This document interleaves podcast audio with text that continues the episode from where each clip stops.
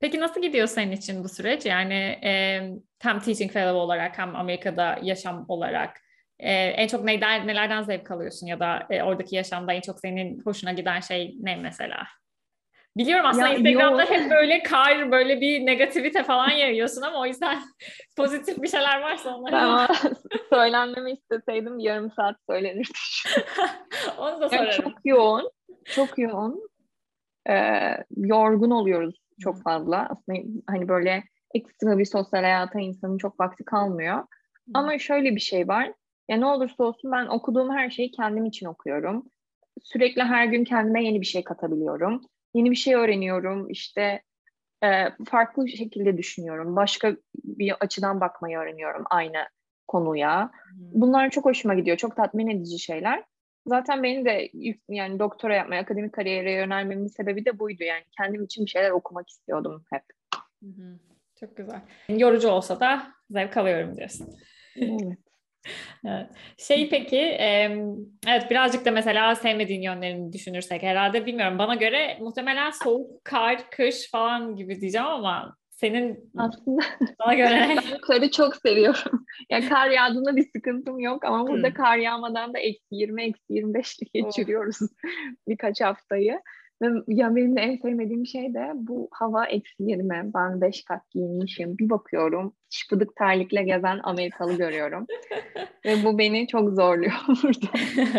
Benim psikolojik olarak en çok zorlayan şey bu. Yani nasıl donuyorsunuz, nasıl üşümüyorsunuz falan diyor. Aynen. Yalnız eksi... Kendime uyduruyorum soğuk falan diye bir bakıyorum yani. Evet. Eksi 20-25'e göre gerçekten fazla abartı. Ben de burada mesela ki burası asla o kadar soğuk olmuyor. Ama yani hava kapalı olsun, yağmurlu olsun ya da böyle bir soğuk olsun yine yani klasik Türk ya da sıcaklığı seven birisi olarak ben de kat kat giyiniyorum ama dışarıda dediğin gibi yani yarı çıplak insanları görebiliyorsun. Güneş olmasa bile ona ben de şaşırıyorum ama eksi 20 bence daha aşırı bir şey gerçekten. Evet şeyden bahsedelim birazcık Sümeyra. Ee, ev kiraları, geçim masrafları, hayat pahalılığı nasıl Boston'da? E, aldığınız stipend'ınızın üçte biri hmm. ev kiranıza gidiyor. E, şöyleymiş, biz mesela e, tabii daha kalabalık evlerde yaşamak isterseniz birazcık daha düşürebilirsiniz o masrafı. Ama e, biz iki kişi yaşamak istedik. Kalabalık hmm. bir ev olsun istemedik. Bölüm arkadaşımla birlikte kalıyorum ben. E, işte küçük bir evimiz var. iki oda bir salon. Okula yürüme mesafesinde olmasını istedik. İşte yaklaşık 2000 dolar tutuyor işte E, aylık kiramız. Hı hı. Faturalar falan da işte 100 dolar falan tutuyor. Toplam. Mutfak masrafları toplam. Yani Faturalar toplam 100 dolar. Ha. Çünkü evlere o çok evlere şey aynen ee, ısınma ve sıcak su yani ısınma ve su dahil.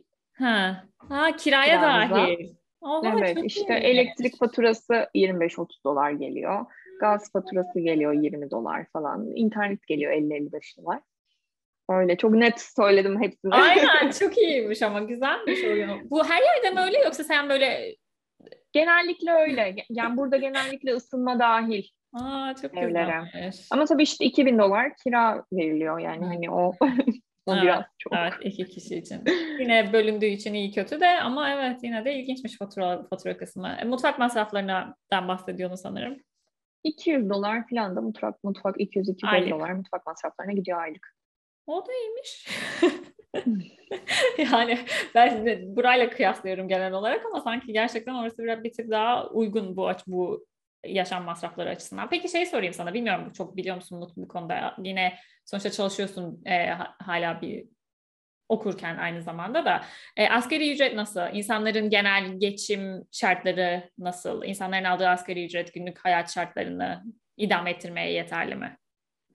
Yani şöyle eyalet eyalet çok değişen, çok farklı bir şey var. Mesela bizim Fulbright'ta da aynı Fulbright bursunu almamıza rağmen herkes eyaletine göre başka oranlarda burs alıyor. Ee, mesela Massachusetts eyaletindeyim ben ve gerçekten pahalı bir eyalet. Hani markette hmm. şimdi sana ucuz geldi göre ama yani işte Wisconsin'e falan göre burası çok pahalı. Kira çok pahalı, işte marketler çok pahalı. Ee, o da işte oraya göre yaşadığın yere göre çok değişecek bir şey. Anladım. Anladım. Ama doktor öğrencileri 3 aşağı 5 yukarı 3000 dolar civarı bir burs alıyor. Ee, şimdi ben Fulbright'tan bunun büyük bir kısmını Fulbright'tan aldığım için vergi ödemiyorum Türkiye'den geldiği için. Hmm. Ama hmm. E, eğer buradan sadece bursluysanız okul ödüyorsa ve international studentsanız o zaman %18 vergi ödüyorsunuz. Sana gelen bursun üzerinden. Evet. Ne kadar ilginç. Peki. Ama Amerikalı öğrenciler ödemiyor onu. Tabii sonra teaching fellow olduklarında %14 ödüyorlar onlar da. Hmm, anladım. Ben düşünüyorum şimdi başka ekstradan söyleyebileceğimiz ya da bu konuda bahsedebileceğimiz senin de insanlara faydalı olacağını düşündüğün bir şeyler var mı? Ya işte tekrar o red meselesine döneceğim. Çok, çok yarı bırakmış gibi bende. Ama ya hayır bundan değil çünkü çok fazla mail geliyor mesela bize başvuru süreçlerinde. İşte okulun e, sitesinde hepimizin şey profilleri var ya. Hı hı. O işte oradan görüyorlar, mail atıyorlar falan. Hani ben de başvurmayı düşünüyorum bu sene. İşte ne yapayım falan diye. Ondan sonra da ben bir böyle bir anda bağ kuruyorum başvurmak isteyen insanlarla kendi kafamda. Sonra kabul edilmemek çok ciddi bir şey. Çünkü 3 kişi 4 kişi olmuyor bu bölümlere ve 200 kişi falan başvuruyor. Hatta bazı yerlerde daha da fazla. Ee, sonrasında da işte ben ilk onun mailini atıyorum. Yani ben de böyle böyle bunu yaşadım. Ve bana dediler ki akademi redlerle dolu bir yer. Önemli olan bunlarla nasıl başa çıktığın. Hı-hı. Yani bunu tekrar dönebilirim. İnsanın kendi buna hazırlaması gerekiyor. Ve işte bir sonraki başvuru sürecine kadar olan zamanı boş geçirmek değil de ne yapabilirim? Kendime ne katabilirim? Ekstra işte nasıl metotlar öğrenebilirim? Teorik çerçevemi nasıl değiştirebilirim? diye düşünmek gerekiyor. Bir de işte statement of purpose'ı olabildiğince e, hocalara falan okutmak çok önemli bence. Ee, işte onların çünkü yorumları oluyor anlaşılmamış, şurayı değiştir, burayı düzelt falan diye. Çünkü yani sadece iki sayfalık bir metniniz var. Hı hı. Ve o metne göre mülakata çağrılıyorsunuz ya da çağrılmıyorsunuz. Mülakatta da size o metinden sorular soruluyor. Kendinizi tanıtabilmeniz için o iki sayfanın olabildiğince iyi olması gerekiyor. Evet. Yani ona, ona çok dikkat etsinler o iki sayfaya. Evet. Meğerse herkes hocayla önden bir e, iletişim kuruyormuş. Yani işte mailler atılıyor hocalara. Yani her bölümde aynı mıdır bilmiyorum. Hmm. Hangi hocalara? Ama... Bunlar full, Fulbright'ta mülakata girecek. Hayır hayır Fulbright'ta yani zaten bilmediğiniz için hocalarla iletişim kurmuyorsunuz ama başvurduğunuz bölümdeki çalışmayı düşündüğünüz hocaya hmm. mail atıp çalışma konunuzu kısaca anlatıp işte sizinle acaba çalışabilir miyiz? Ee, başvurmayı düşünüyorum. Siz de ilgilenirseniz falan gibi hmm. bir mail atmak hayırlı oluyormuş.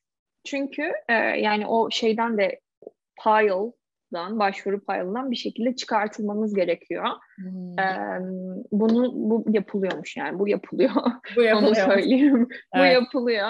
Ee, bu şekilde de işte hem bazen bazı hocalar diyor ki ben sabbatical'dayım. İşte bir iki sene yokum. O yüzden öğrenci alamayacağım doktor öğrencisi ya da işte şey diyor. Kurulda ben yokum bu sene. İşte ya da şu hocayla aslında daha iyi çalışırsın falan gibi cevaplar da alıyor. Ya da işte çok sevinirim, çok harika olur falan gibi cevaplar da alıyorsunuz. Ee, yani hani o mailleşme, iletişim evet. kurma biraz önemli. Evet, ona göre hem başvuru zaten şey de diyorsun mesela Fulbright alsan bile mesela onun sonrasında o zaman şöyle bir süreç var. Hani her türlü okula başvurup yine okulların başvuru sürecinden geçme gibi bir şey var öyle değil mi? Sonuçta tamam burs aldığını kabul ediyorsun ya da burs aldığını öğreniyorsun ama daha mesela nereye gideceğini bilmiyorsun. Sen mesela Fulbright o... alıp hiçbir yerden kabul alamayan da var. Ha, onlar ne yapıyor? yani bir sonraki seneye ama Fulbright'ı bir sonraki seneye bırakamıyorsun ama yine de hani bir sonraki sene tekrar deniyorsun. Ya Fulbright kesin bir, bir şeyin bir garantisi değil. Ee, şöyle bir hata da yapmamak gerekiyor. Hmm. İşte sadece işte en iyi 50 okula başvuracağım dünyadaki falan gibi. Yani birkaç tane e, kabul alma ihtimalinizin daha yüksek olduğu bazı okulları da listeye eklemek gerekiyor. Ne olur ne olmaz. Ama tabii ben sadece bu okullara gitmek istiyorum. Ben mesela yapmadım yani hani onu. Ee, gitmiş olmak için gitmek istemedim. Hmm. Ve çok emin değildim mutlu olup olmayacağımdan. Ama Hı-hı. bunu yapıp sonrasında mutlu olan ve orada da yani daha hak ettiği değeri bulduğunu düşünen arkadaşlarım da oldu. Hmm. Yani garanti okullar yazanlar da oldular. Sen şeyi ne yaptın? Mesela bu Fulbright'la ilgili hiç Türkiye'den herhangi birinden bir danışmanlık aldın mı hocaların dışında başvuru süreciyle ya da Amerika'daki okullara başvurmakla ilgili? Yoksa her şeyi kendin internetten araştırıp hallettin? Yani benim genel bütün başvurum deneme yanılma. yani hani ne yapsam bir deneyeyim falan hmm. gibi başvurdum her yere. Yani kimisi oldu, kimisi olmadı. Olmayanlardan daha çok şey öğrendim. Ben aslında yani hani aldığım herhangi bir dan yani hocalardan aldığım danışmanlıktan da aldığım redler ilk dönem bana daha fazla şey öğretti. Hmm. Ee, ya ama tabii şeyler de biliyorum yani yardım alanlar, direkt profesyonel danışmanlık alanlar, işte Statement of Purpose'ını okutanlar hmm. falan. Öyle hizmetlerde var diyorsun. Öyle ama... hizmetlerde var. Anladım. Bazı Senin... okullarla funding şeyine girmiştim o sene. İşte biraz daha yükseltir misiniz? Yükseltemeyiz. O pazarlığı yapanlar da oluyor. da yaptım yani ve gerçekten de yükselttiler ama yine de bana yetebilecek gibi değildi yani hani. Hmm. O riske girmeme değecek bir şey değildi. Hı hı. Ama işte o, o da yapılıyormuş. Yaptım, denedim. Gerçekten yükseltebiliyorlar. Aa, çok güzel, güzel tipler. Aynen. İlginç bir süreç. O zaman sen e, yani şimdiki kariyer hedeflerine baktığımız zaman akademiden ilerlemeyi düşünüyorsun. Ne kadar kariyer hedefleri olursa olsun akademi gerçekten çok kendine yer bulmanın çok zor olduğu bir yer. Hı hı. Ee, postdoc yapmayı düşünüyorum bundan sonra. Çünkü olabildiğince komparatif hale getirmek istiyorum. Başka şehirlerle, başka ülkelerle Hı-hı. bu çalışmamı. Ee, postdoc'tan sonra da bakarım artık yani. yani. Bundan sonra da şunu yapacağım, ondan sonra şu adımı atacağım diyemiyorum şu an. Evet. Bakacağım, deneyeceğim. Hangi adımlar gelirse onları değerlendireceğim bir şekilde.